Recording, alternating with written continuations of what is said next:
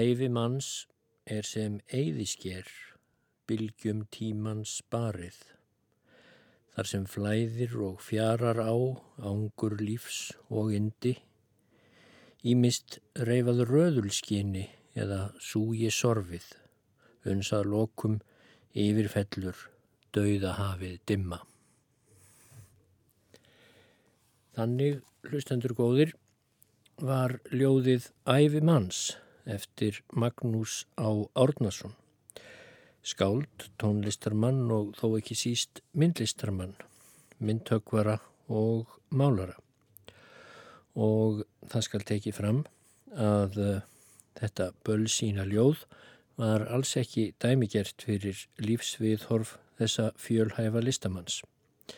Hann var yfirleitt lífsgladur og uh, gefinn fyrir það jákvæða fremur en uh, bölsíni og myrkur.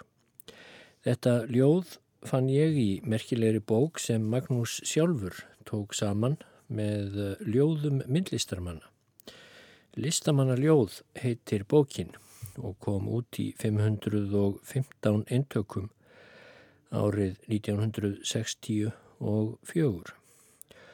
Og þar er að finna ljóð eftir fólk sem kunnara er fyrir myndlist sína heldur en ljóðagerð. Í efnisifilitinu eru nöfnin Sæmundur Holm, Sölvi Helgason, Sigurður Guðmundsson Málari, Jóhannes Kjarval, Ríkardur Jónsson, Gunnfríður Jónsdóttir, Finnur Jónsson, Magnús Á Árnarsson sjálfur, Guðmundur frá Miðdal, Freymóður Jóhansson, Eggert Lagstall, Ólafur Túbals, Ásker Bjartórsson, Nína Tryggvadóttir, Hörður Ágústsson og Sigríður Björnsdóttir. Í þessari bók er ímislegt ágætlega orð. Þótt yfirleitt fari nú ekki milli mála að myndlistinn láð þrátt fyrir allt betur fyrir þessum umrætnu listamönnum en ljóðlistinn. Ég ætla þó að lesa eitt ljóðana úr bókinni annað en þetta sem ég las í byrjun eftir Magnús Sjálfan. Það er eftir yngsta listamannin í bókinni. Það er Sigriður Björnsdóttir. Það er nefnilega eitthvað við nafnlaust ljóð hennar. Það er hitt aftasta í, í bókinni og hljóðar svo. Ég var hjá þér haust og geimdi gleði mína er ég horfi á sofandi andlit þitt við kvítan vekkin. Lillir fugglar fljúa í lokni, hvít snjókorn falla í lokni, kona hengir þvott í lokni. Innum opnar dyr, vitjarðín vor, vakir þú, vakir þú vetur á enda. Í djúpi myrkurs, hlýju lífs, sefur blóm sem ekki veit eldar brenna, hlátrar, hljóma, rattir, rópa, gras, grær, gæfu glatað, glösum lift, lauf, blakta, blóð, olgar, fugglar, fljúa, vélar, knúðar, lækir, niða, sjúkir, deyja, sól, nýgur. Í djúpi myrkurs, hlýju lífs, vex blóm, er dyr opnast, skinjar ei stóra veröld, aðra en kvíta, stóra móður brjóst. Þannig orti sem sé Sigriður Björnstóttir í þessu nafnlósa ljóði sem Magnús byrti í listamannaljóðunum. En þessi þáttur er annars um Magnús og vini hans. Ég hef núna að undanförnu verið að lesa einum tvísar sinnum upp úr bók sem hann skrifaði og gaf út nokkrum árum eftir að listamannaljóðin komu út Bókin heitir Gaman þættir af vinum mínum. Magnús var sérlega elskulegur maður, félagslindur og vinnmarkur og jákvæður eins og ég drap á í upphafi. Og það er fengur af þeim myndum sem hann dregur upp af vinum sínum sem flest allir eru í hópi helstu listamanna þjóðarinnar í ýmsum greinum.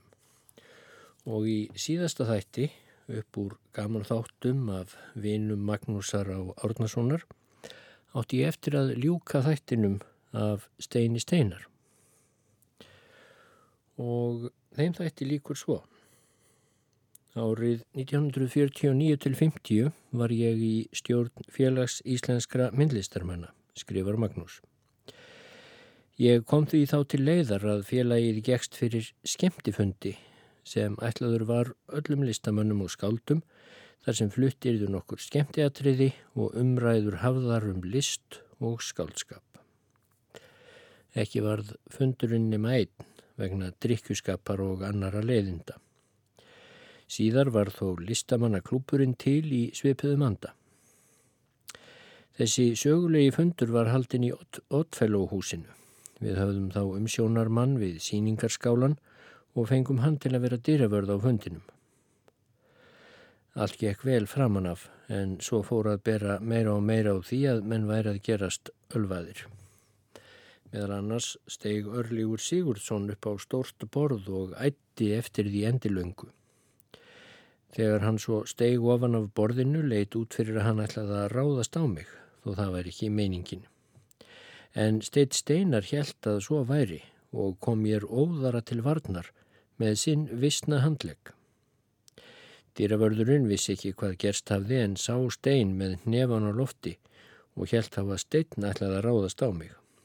Dýravörðurinn bráð þá við skjótt og ætlaði að flega steini út. Mér tókst þó að greið úr þessari flækju á endanum en það var eins og allir vildu verja mig gegn öllum og hef ég þó sennilega verið betur færunað en nokkur hinna. Það sem hér fer á eftir gerðist áður en til óeirðana kom. Um þessar myndir var steitt steinar með próförk að ljóðabálki sínum tímanum og vatninu og bað mig að lesa ljóðin á þessum fundi. Fundarmenn hlustuðu með mjög mikilli aðtikli. En hrættur er ég um að ljóðin hafi farið fyrir ofangarð og neðan hjá flestum.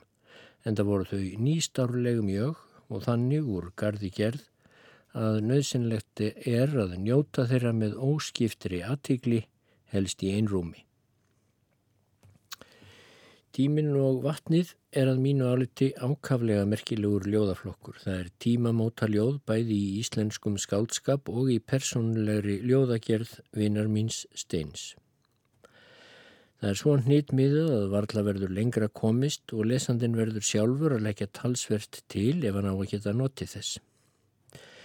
Maður hefði getað óska þess að skáldið hefði getað haldið áfram frá þeim áfanga því þarna var hann komin upp á þann tind þaðan sem sjámátti til margra átta. En heilsuleysi steins og skamlífi skáru þar á streng. Steinn hafði mikil áhrif á samtíðar skáld sín og sér yngri menn. Ég get aðeins óskað þeim til handa að þeir tæki vinnubröðu steins sér til fyrirmyndar, nýttmiðunina, afskurðin, sjálfskakrinina, svo kemur hitt af sjálfu sér.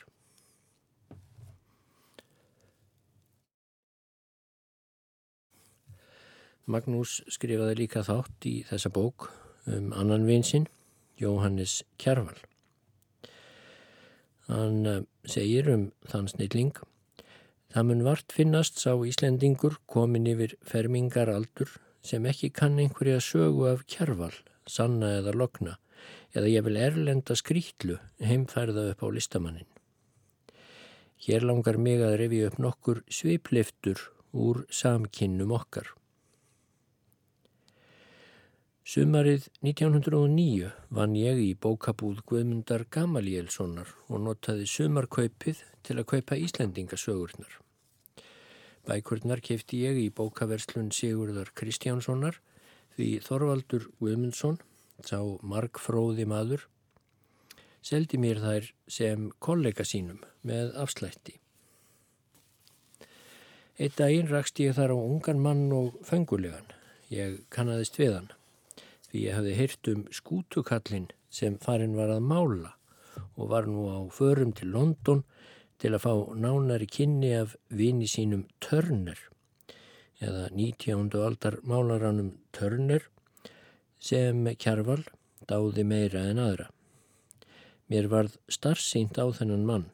Hann var beinvaksinn, hár og herðabreiður og sami fölvi á andlitinu og enn er á því. Talaði lítið og talaði hægt, augun skörp og gáfuleg. Mér þótti hann stórtækur á bókakaupin því ég man að hann kifti meðal annars allar ljóðabækur Einars Benediktssonar til nestis með sér. Sjálfur hef ég sennilega kift þættina af snegluhalla og reyðari heimska á 15 öyra stikkið. Veturinn 1912 til 13 vorum við eh, Kjarval síðan samtíða á tækniskólanum í Kaupmannahöfn en hittumst aldrei þann vetur en það skiptu nefnendur þúsundum. Einhverju sinni var það á þessum árum að Ríkardur Jónsson og Jóhannes komu heim í sumarfríi frá listnámi í Kaupmannahöfn. Ungmennafélag Reykjavíkur held heim þá samsæti. Ekki manni eftir neinu sem þar fór fram nema ræðu Jóhannesar. Honum var styrtum mál, bjó mikið niðri fyrir og talaði þungt og synd með djúpri bassaröld.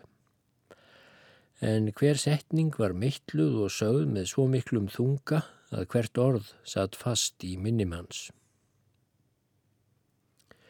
Stundum kom það í ljóðstöfum eins og til dæmis þetta Þótt blöð, blikni og blóm fölni þá stendur stilkur í góðri gróður jörð. Menn mega svo spreita sig á því að leggja út af þessum orðum eftir vild. Göngulag Kjarvals á þessum árum var í fullkomnu samræmi við málfarhans og allan karakter.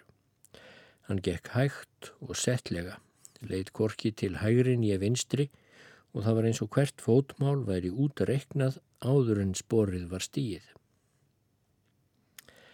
Árið 1917 heimsótti ég kjarval á vinnustofu hans og heimili í Kaupanhöfn.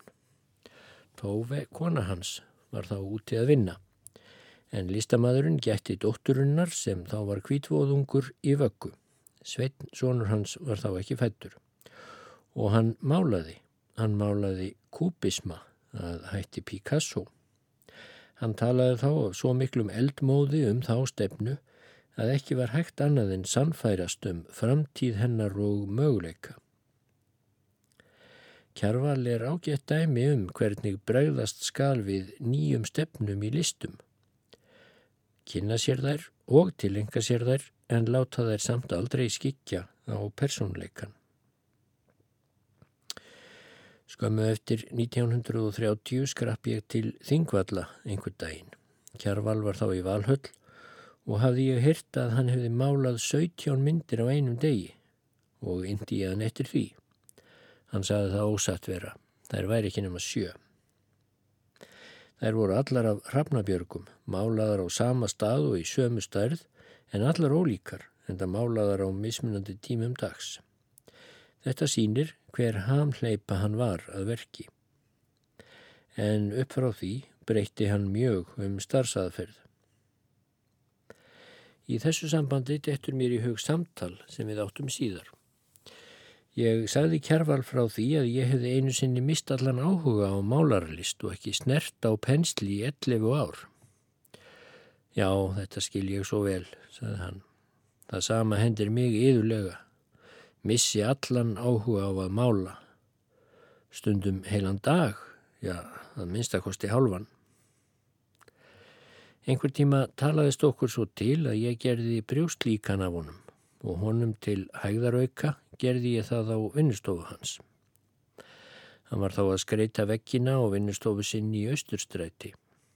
Þegar allt var tilbúið og ég ætlaði að byrja á myndinni, settist kjærval á skemil út í einu horninu og fór að mála svo ég sá ekki nema nakkan. Síðar, þegar ég baða hann að fara úr svo ég sæja á honum herðarnar, þá sleit hann af sér skirtuna svo hún hekk í henglum niður frá beltistað. Því miður mistókst myndin algjörlega. Haustnótt eina gengum við Ekkert Stefánsson, söngvari, austur á Þingvöll eftir gamla veginum. Kjarval hafði ætlað að slást í föruna en gæti ekki komið í við og hvaðast myndu hitt okkur í valhöll daginn eftir. Við vorum þar einir, þrýr gesta. Við áttum þar mjög háleitar samræður þar sem ákveðið var í eitt skipti fyrir öll hvað lífið og listin væru en bara á þrjá mismunandi vegu. En skemmtum okkur þess á milli. Meðal annars settist kjarval við píanóið og spilaði af miklu móði einhvers konar fútúrískar stemningar. En ekkert söng með og eldi hverja nótu hjá kjærval af miklum fimmleik og söng a-a-a-a en ég veldist um af hlátri. Það hefur verið lánmitt að kynnast mörgum gáfumönnum bæði hér á landi og annar staðar en einn af þeim allra gáfuðustu sem ég hef nokkru sinni kynist er Jóhannes Kjærval. Ég á ógleimanlegar endurminningar um enga viðræður í einrúmi á vinnistofu hans. Gáfur hans eru svo heillavænlegar og örfandi að maður verður sjálfur gáfaðri af að tala við hann á slíkum stundum. Það er eins og andleg skikni hans sjáu í gegnum hold og hæðir svo að hinn erfiðustu viðfangsefni líkja ljós fyrir. Það er engin tilviljun að kjarval er slíkur mistari sem raun ber vitni og ég hef nú alltaf haft meira áleita á gáfuðum listamannum þótt ég viti að ógreindir menn geta verið góðir listamenn. Í þættinum bræður í listinni er þess getið að þrýr ungir listamenn andmæltu hrósirðum sem ég fekk í sambandi við fyrstu síningu mína eftir heimkomuna til Íslands 1930. Ekki tók ég það of næri mér en eitthvað var það í skrifi þessu sem Kjarval tók til sín og líkaði ídla. Hann kom til mín á síninguna einn morgunin og las fyrir mig grein sem hann hafði skrifað. Grein þessi var ólík öllu sem byrst hefur á prenti eftir kjærval. Þar voru engir útúrdúrar eða setningaslitur, heldur óreikjanlegu raukfærsla skrifuð af sannfæringarkrafti og hófstillingu, hver setning meitluð. Ég baða hann fyrir alla munni að fara með greinina til morgumbladsins. Valtýr Stefánsson Rittstjóri myndi gleipa við henni eins og ég orðaði það. Þetta var hinn besta vörn fyrir okkur báða. Já, ég geri það, saði Kjærval ákveðið. Svo liðu dagarnir en ekki kom greinin. Einn morgunin fór ég á fundans og spurði hverju þetta sætti. Hann gaf lítið út á það en ég saði að greinin væri svo góð að hún ætti að byrtast þess vegna, burt séð frá þeirri vörn fyrir mig sem hún hafði að geima. Já, hún er nefnilega allt of góð, saði hann og við það satt. Af einhverjum annarlegum ástæðum vill Kjærval aldrei sína almenningi sitt rétta andlit, hvorki í skrifum sínum eða persónulegri framkomu. Það er aðeins í málverkunum sem við kynnumst honum eins og hann er í raun og veru.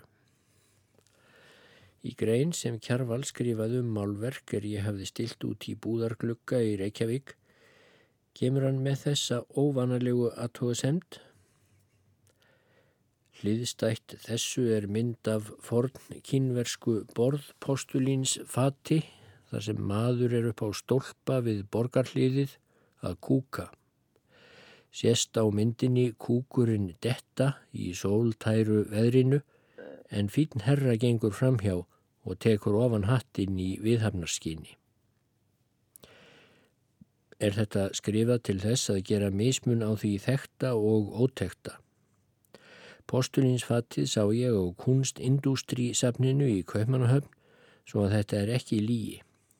Hefur líklega fattið kostað off fjár og víst ekki fáanlegt. Svo mörg voru þau orð í grein kjærvals. Árið 1932 held ég svo síningu í postústrætti þar sem hressingarskálinn hafði áður verið. Kjarval kom og ég var einn í salnum þegar hann mætti. Má ég koma? spurði hann. Þú mátt koma, sagði ég. Má ég borga? Nei, þú mátt ekki borga, sagði ég. Hann gekk svo um salin og skoðaði hverja mynd. Síðan lagðan handleikin yfir herðar mér, fór ringin í kringum salin, staðanæmdist við hverja mynd og gaggrindi. Það finnir mestu alúð. Þetta var ávið heilt ár á listaháskóla. Ég hafði orð á því hver vel hann gaggrindi. Já, sagði hann, ég er nefnilega gaggrínandi í hulduheimum. Þegar félag íslenskra myndlistarmanna held yfirleitt síningu á verkum Barburu konuminnar í sambandi við 50 samæli hennar kom kjarval á opnunina. Hann kom með rauðar rósir í kristalsvasa og hafði vafið boðskortinu sem var ílangt utanum stilkana. Á spjaldið hafði hann skrifað Elsku besta Barbara mín, ég óska þér af heilum hug til hamingju með hann vin minn gáfaða drengin hann Magga Listamann af Guðs náð Magnús Árnason og til alls góðs með afmælisýninguna og svo ætla ég að koma með þetta bóðskort og blóm á sýninguna og svo verði ég að fá annað svona kort í staðin. Íðar Jóhannes S. Kjarval. Ég sé ekki ástæðu til að óska kjarval til hamingju með þessi merku tímamót í æfi hans, en hann er nú sjötugur. Því um sjötugt fer starfsteginum að halla hjá flestum. Allt æfistarf hans hefur verið svo merkilegt að einn dagur gerir þar engan mun. Á hinbógin samgleðst ég honum yfir þeirri öldur hrifningar og aldáunar sem ég þykist vita að á honum minni skella á þessum degi frá vinum hans og aðdáundum, jafnvel allir í þjóðinni. Fyrir 20 árum sendi ég kjærval nokkra stökkur í sambandi við 50 sammæli hans. Þar á meðal var þessi vísa Stormar um þig standa enn, strangur er lífsins vetur, samtíðarinnar miðlungsmenn meta þeir alltaf betur. Nú hefur þessa storma lægt fyrir laungu. Þjóðin hillir sinn ókrínda konung meðal málarana. Snillingurinn hefur sannfært þjóðina um verðurleik sinn með verkum sínum einum saman en engu auglýsingaskrumi eða ítni. Samtíðin á jæfnan erfitt með að átta sig á stöðu sinni í sögu þjóðarinnar en ég tel víst að fyrir hluti 20. aldar muni er framlýða stundir verða talið merkilegt menningartímabil ekki einungis í verklegum framförum, heldur engu síður á andlega sviðinu. Gerðum við okkur þetta ljóst, myndum við verða stolt af að hafa lifað þess samtíð. Hér er gróskan svo mikil og hæfileikar að starfi á öllum sviðum menningar, hæfileikar sem vinna af alúð, áhuga og ósérplækni. En þá er ég ítla svikin ef það verði ekki þrjú nöfn sem ber hæst frá þessu tímabili tónskáldið Jón Leifs, rítumundurinn Haldur Lagsnes og málarinn Jóhannes Sveinsson Kjarval. Svo mörg voru þau orð Magnúsar Árnasonar um eh, Jóhannes Kjarval og eh, það er óhætt að segja að hann hafi borið skinnbrað á snildina þegar hann rakst á hana þótt uh, list hann sjálfs hafi ekki lifað íkja lengur en hann sjálfun. Í bókinni Listamannaljóð eru tvö ljóð eftir Jóhannes Kjarval og uh, þar á meðal er uh, ljóð sem heitir Speiklun og Ortir um haust á Seyðisfyrði 1914. Það er of langt til að ég lesi það hér en uh, Magnús Á. Ornarsson hefur líka tekið í bókina svo kallað brot eftir kjarval og það er svona Hátt við sólar æsku átt, elds hjá ljósastjökum, geysla móður gengur hátt, gulls á fjallabökum. Morgun sól á tindsins turn, tillir geysla ringum, yfir fjöll og njúk á kvurn, hellir geysla kringum. Eitthvað nýtt þú átt að finna, endurgjaldið það er vinna, Ágóðin verður átækið, æðri köllun öllum þjóðum, endur heimt úr jarðar sjóðum, aðlega þín er áræðið. Næst ætla ég að grýpa niður í þætti sem Magnús skrifar um Erlend í unuhúsi sem frægastur hefur orðið sem persóna í atomstöðinni eftir Haldur Lagsnes sem var mikill vinur Erlendar og Magnús skrifar Eftir að ég kom heim til Íslands frá Ameríku 1930 hittumst við Haldur Lagsnes bráðlegað máli eins og að líkum lætur og ekki leið og löngu að hann tæki mig með sér upp í unuhús til að kynna mig fyrir vini sínum Erlendi Guðmundsinni. Í unuhúsi varði ég svo tíður og velkomin gestur eins og aðrir í mörg ár eða þanga til Erlendur dó. Ég myndi vel eftir Erlendi frá því við vorum unglingar í Reykjavík, þótti ég kynntist honum ekki þá vegna þess að hann var nokkru eldri en ég. Unglingar eru fljóttir að kynnast, en það má ekki vera mikil aldursmunur ef kynni eiga að takast. Ég get ekki ímda mér að nokkur maður hafi getað glemt þessum unga alvöru gefna manni sem sá hann á þeim árum. Hann var þá brefberi í Reykjavík. Hann var hæglátur, aðtugull, með sérlega fallegu augu, hár niður og herðar og allskegg. Ég held að ég hafi haft fremur óvanalega tækifæri til að kynast Erlendi af tveimur ástæðum. Vegna þess að vinir Haldórs urðu næstum sjálfkrafa, vinir hans, og vegna þess að þegar gestir kvöldsins voru farnir hjálpaði Jón mjög oft við uppþvottin og rættumst við þá vanalega við í klukkutíma eða svo á eftir. En þrátt fyrir það var Erlendur mér alltaf ráðgáta. Ég vissi ekki einu sinni, þrátt fyrir öll þessi kynni, hvort hann var vel við mig. Ég kynntist að vísu vel heimsbeki hans og afstöðu hans til viðfangsefna lífsins en viðræður okkar voru aldrei persónlegar. Við rættum um allar greinar listar og skáldskapar, um vísindi og um almenna þekkingu eins og við höfðum best vit á.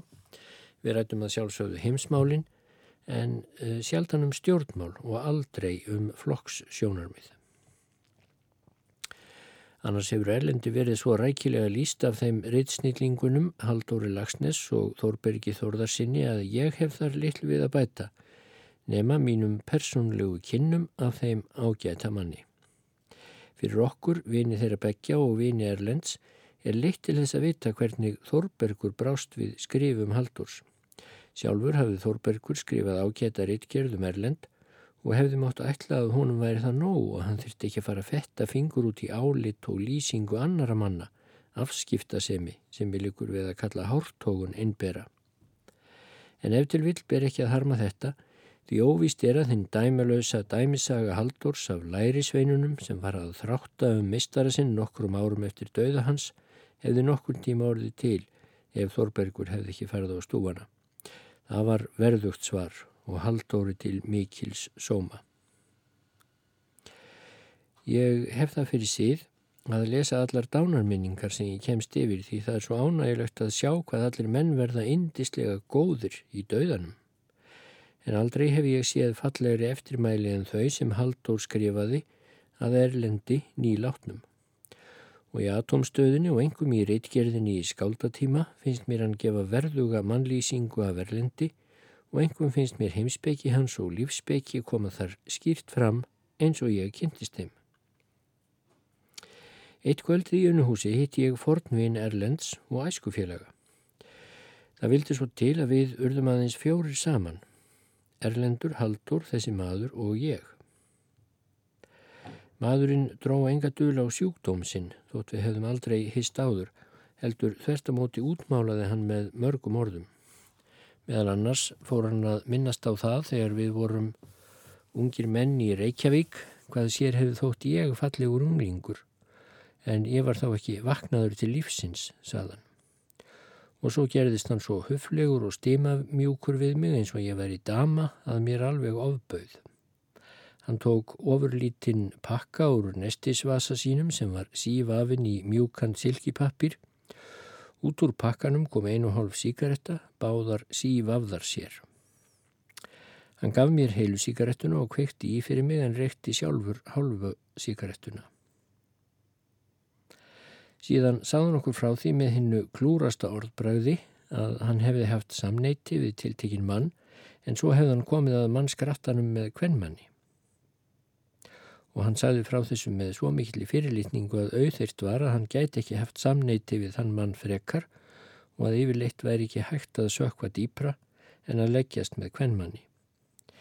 Ég fekk svo mikla skömm og andstíð á þessum manni að ég gæti aldrei lítið hann réttu auga eftir þetta og forðaðist mér að segja helsónum ef ég gæti hjá því komist. Og það ætti ekki að fara millir mála eftir þessa lýsingu hver er sá sjúkdómur sem Magnús á Árnason telur að maðurinn hafi verið haldinn. Hann hefur einfallega verið samkynniður en Magnús var svo sem ekki einnum það í þá daga að telja samkynnið vera sjúkdóm. En hann bætur um betur með þessum orðum hér sem betur fyrir hann eini maðurinn sem ég hef hitt á æfinni og mér vitanlega var haldinn þessum sódómíska sjúkdómi. Hann heldur svo áfram. Eitt kvöldið eftir uppdóttinn stóðum við Erlendur í stofunni og rættumst við að vanda. Allt í einu er hurðinni á stofunni sparkað upp og engengur Kristján Albertsson fullur. Hann ræðist á Erlend með óbóta skömmum fyrir kommunisma en Kristján Albertsson var einn helsti mentamaður þjóðarinnar í þá daga, hægri sinnaður nokkuð og ötull baráttumadur gegn kommunisma eins og sjáma á þessu. Magnús heldur áfram. Erlendur stóð með annan fótinn á fótarím á stóli og nú hlóan. Við það espaðist Kristján enn meira og sparkaði í stólinn svo hann flektist um fótinn á Erlendi og hefur hlotið að meiðan talsvert. Erlendur risti stólinn við, klappaði á aukslina og Kristjáni og sagði Nei, hyrðu góði. Ég hafði engan rétt til að fleia mannfílunni út þar sem ég var líka gestur í húsinu en mér blöskraði svo ljúfmennskan og hóverðin í Erlendi að þessu sinni að ég rauk út í fússi. Það er mikill síður hér á landi að afsaka ofbeldi og líkamsmeyðingur og ég vil manndráp með því að segja að strák greið hafi verið fullur. Og menn afsaka sig yðurlega með því að þeir hafi verið svo druknir að þeir mun ekki hvað skeiði, en þetta eru ósanindi.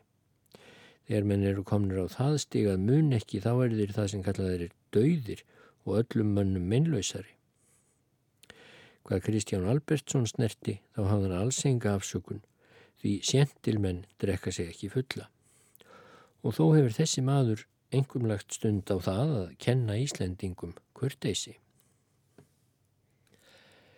Ég hafði gaman af því að sjá hvernig Erlendur gekk allur upp í því sem hann tók sér fyrir hendur. Einn veturinn tók hann upp á því að fara að læra að dansa sem hann hafði aldrei gert áður. Kvöld eftir kvöld glumdi í gamla glímskrattanum og gamla timpurhúsið nötraði af fótasparki og svitin bogaði af verlendi. Meðal annar orða þessi gamli grammafótn ætti að fara í minjasamn Reykjavíkur sem tákn og minningum það einstæða fyrirbæri sem unuhús var.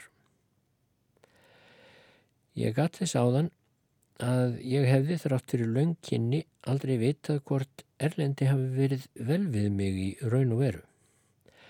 Aftur á móti var hann mjög hrifin af barburu konu minni og síni mínu ungum. Ég held að heimili okkar hafi verið eitt af þeim fáu sem hann heimsótti yðurlega eftir að hann hætti að taka á móti gestum í unuhúsi vegna lasleika.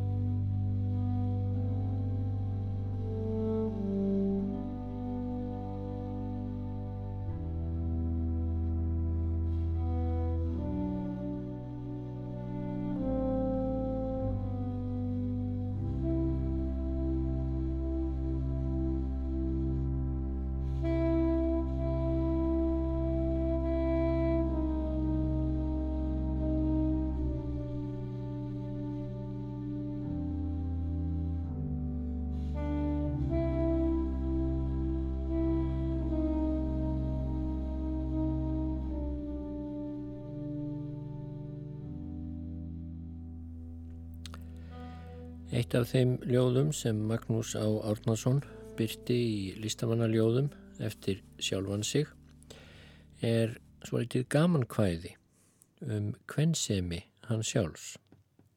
Það heitir Ég hefi elskað og hljóðar svo Ég hefi elskað átján megar svo undur sælt og trútt og heitt þótt aldrei nema áttavikur það er unað fullan gætu veitt. Ég hétt þeim tryggð um æfi alla og eilíf skildi sælan þeim ef hinum eigin mættum njótast fyrir miskun Guðs í sólarheim. Það verður feikna fríður skari af fljóðum sem að hilsa mér er inn ég gengi í himna höllu en hotlast munað gáað sér. Í fullu tre með eina í einu, ég hef lengst á jörðu hér, og hvað skal ég með átján engla í öðru lífi hjálpi mér.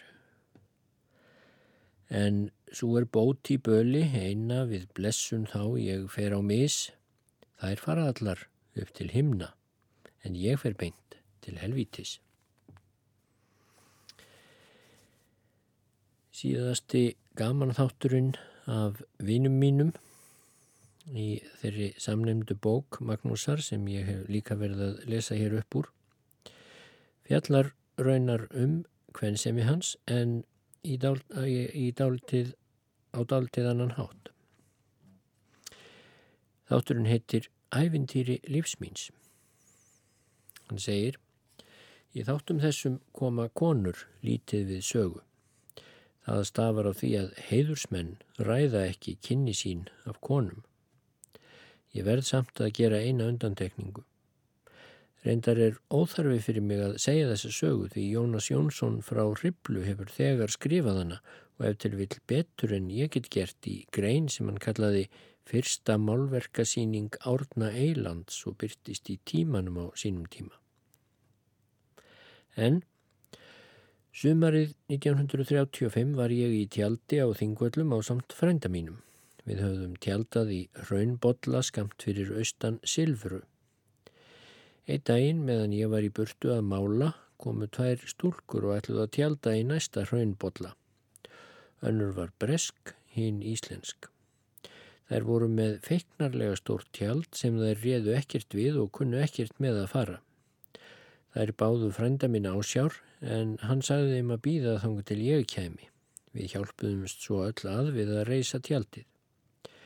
Brátt tókst góður kunningsskapur meðal nágrannanna og nú bættist þriðja konan við úr Reykjavík.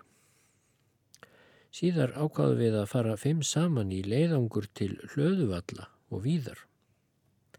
En fyrstu nóttina á hlöðuvallum vektist breskastúlkan svo við urðum að kominni til byggða. Við höfðum tvo hesta og gátum settan á annan þeirra. Gekk þetta slísa löst rátt fyrir rigningu og náttmyrkur og var til þess að binda kunningskapin örugari böndum. Árið eftir var ég aftur í sama hraunbóllanum á þingvöllum og frændi minn með mér. En nú var með okkur norsk hjúgrunarkona sem Guðbjörg sýstir mín yfir hjúgrunarkona í vestmannegjum hafði beðið mig að sína þingvelli og aðra ferðamannastadi. Við höfðum ekki verið þar lengi þegar breska stúlkan frá árun og áður kom aftur til þingvalla. En nú árætt hún ekki að líka í tjaldi heldur bjó í Hotel Valhöll. Hún bauð mér og félögum mínum til hátegisverðar í Valhöll og vildi kynna mig fyrir ungri listakonu breskri en þær höfðu verið samskipa á leið til Íslands og hittust nú þarna aftur á þingvallum. Þessi unga listakona hétt Barbara Morey Williams. Við urðum þarna sex í hóp og heldum hópin í nokkra daga. Ég þekkti hvern krók og kima á þingvöllum og gatt frættu í nokkuð um sögu staðarins. Við klifruðum um allar gjár og fórum í langa göngutúra, norður að Meijarsæti, austur og Arnarfell með báti söður í Sandei og gengum síðan frá Nesjum til Þingvalla en nú höfum við, tjaldfélagar mínir og ég, tafið lengur en til stóð. Sumarfrí frænda míns var búið og hann þurfti að fara tilbaka til Reykjavíkur svo ég satt einn eftir með norsku hjógrunarkonuna í tjaldinu. Ég spurði þá Barbaru Morey hvort hún vildi ekki koma í tjaldið til okkar og ganga austur í Laugardal. Var hún fúst til þess. Við fengum einn hest undir farangur okkar og gengum austur. Dægin eftir fengum við reyðhesta á Laugarvatni og riðum til geysis og tilbaka. Barbara og norska stúlkan fóru síðan með bíl til Reykjavíkur en ég fór með klárin til Þingvalla og síðan heim. Ég átti litla frængu sem ég gætti stundum á kvöldin þegar foreldrar hennar þurfti að fara út. Ég baðaði hana og háttaði saðinni sögur og svæðana. Þegar hún var fjögur ára spurði hún mig hvers vegna ég væri ekki giftur. Það vil mig enginn, svaraði ég. En ég vil þig, sagði hún svo það var enn von fyrir mig en ég var orðin 41 árs. En það þarf ekki að orðlengja þessa sögu. Eftir viku vorum við Barbara Morey Williams heitbundin hvort öðru. Ég hafði einhvern veginn vita það alla mína æfi að konan mín er þið ensk en ekki myndi ég samt eftir þessari hjátrú fyrir en löngu setna. Barbara átti viku eftir hér á Íslandi áður hún færi aftur til Englands og ég var svo heppin að selja mynd svo við gáttum skemmt okkur dálitið. Meðal annars gengum við upp á Vívilfell. Á heimleðinni saði ég Barbaru að ég hefði einu sinni gengið upp á Vívilfell með lítinn frænda minn á bakinu. Hver veit nema þú eigir eftir að bera þinn eigin són upp á fjallið, sað hún. Þá skal hann heita Vívill, saði ég og drengnum okkar Barbaru var þannig gefið nafn tveimur og hálfu ári áður en hann fættist. Viðbröðu ættmenna minna við þessari trúlofun urðu með ímsu móti. Ég kynnti Barbaru fyrir móður minni og henni leist strax vel á stúlkuna en alltaf kallaði hún hana Bar Báru. Frænka mín einn hafði þau orð að vegna síns enska uppeldis hefði Barbara neðist til að giftast mér þar sem hún hefði sofið í tjaldi hjá mér. Þegar Barbara fór voru peningarnir mínir þróttnir en þá var Ragnar í flóru svo góð að lána mér fallegan blómvönd til að færa henni að skilna því. Þegar ég fylgdinn um borð mættum við Þóralli bróður mínum og gekk hann með okkur niður að skipi. Þegar við gengum frá höfninni aftur, saði Jónum að ég ætlaði að giftast þessari stúlku. Þú, þú, rópaði hann, ómögulegt og sló sér á lær af undrun og hlátri. Ég hefði ekki hugmyndum að ég væri svo pipraður í annar augum. Haldur Lagsnes áttu um þessar myndir í samningum, samningum við Stanley Unwin, bókaútgefanda í London, um hérna ennsku útgáfu á Sölku Völku. En svo vil til að Stanley var móðurbróður Barbaru. Eitt af því fyrsta sem Stanley spurði Haldur um var hvort hann þekkti Magnús Árnason. Haldur vissi ekki hvaðan á sig stóð veðrið en jú, hann kannadist við mannin og gatt þessum leið að hann væri fátækur listamadur. En Stanley hefði engan áhuga á, á því heldur vildan fá að vita hvers konar karakter þessi maður hefði að geima.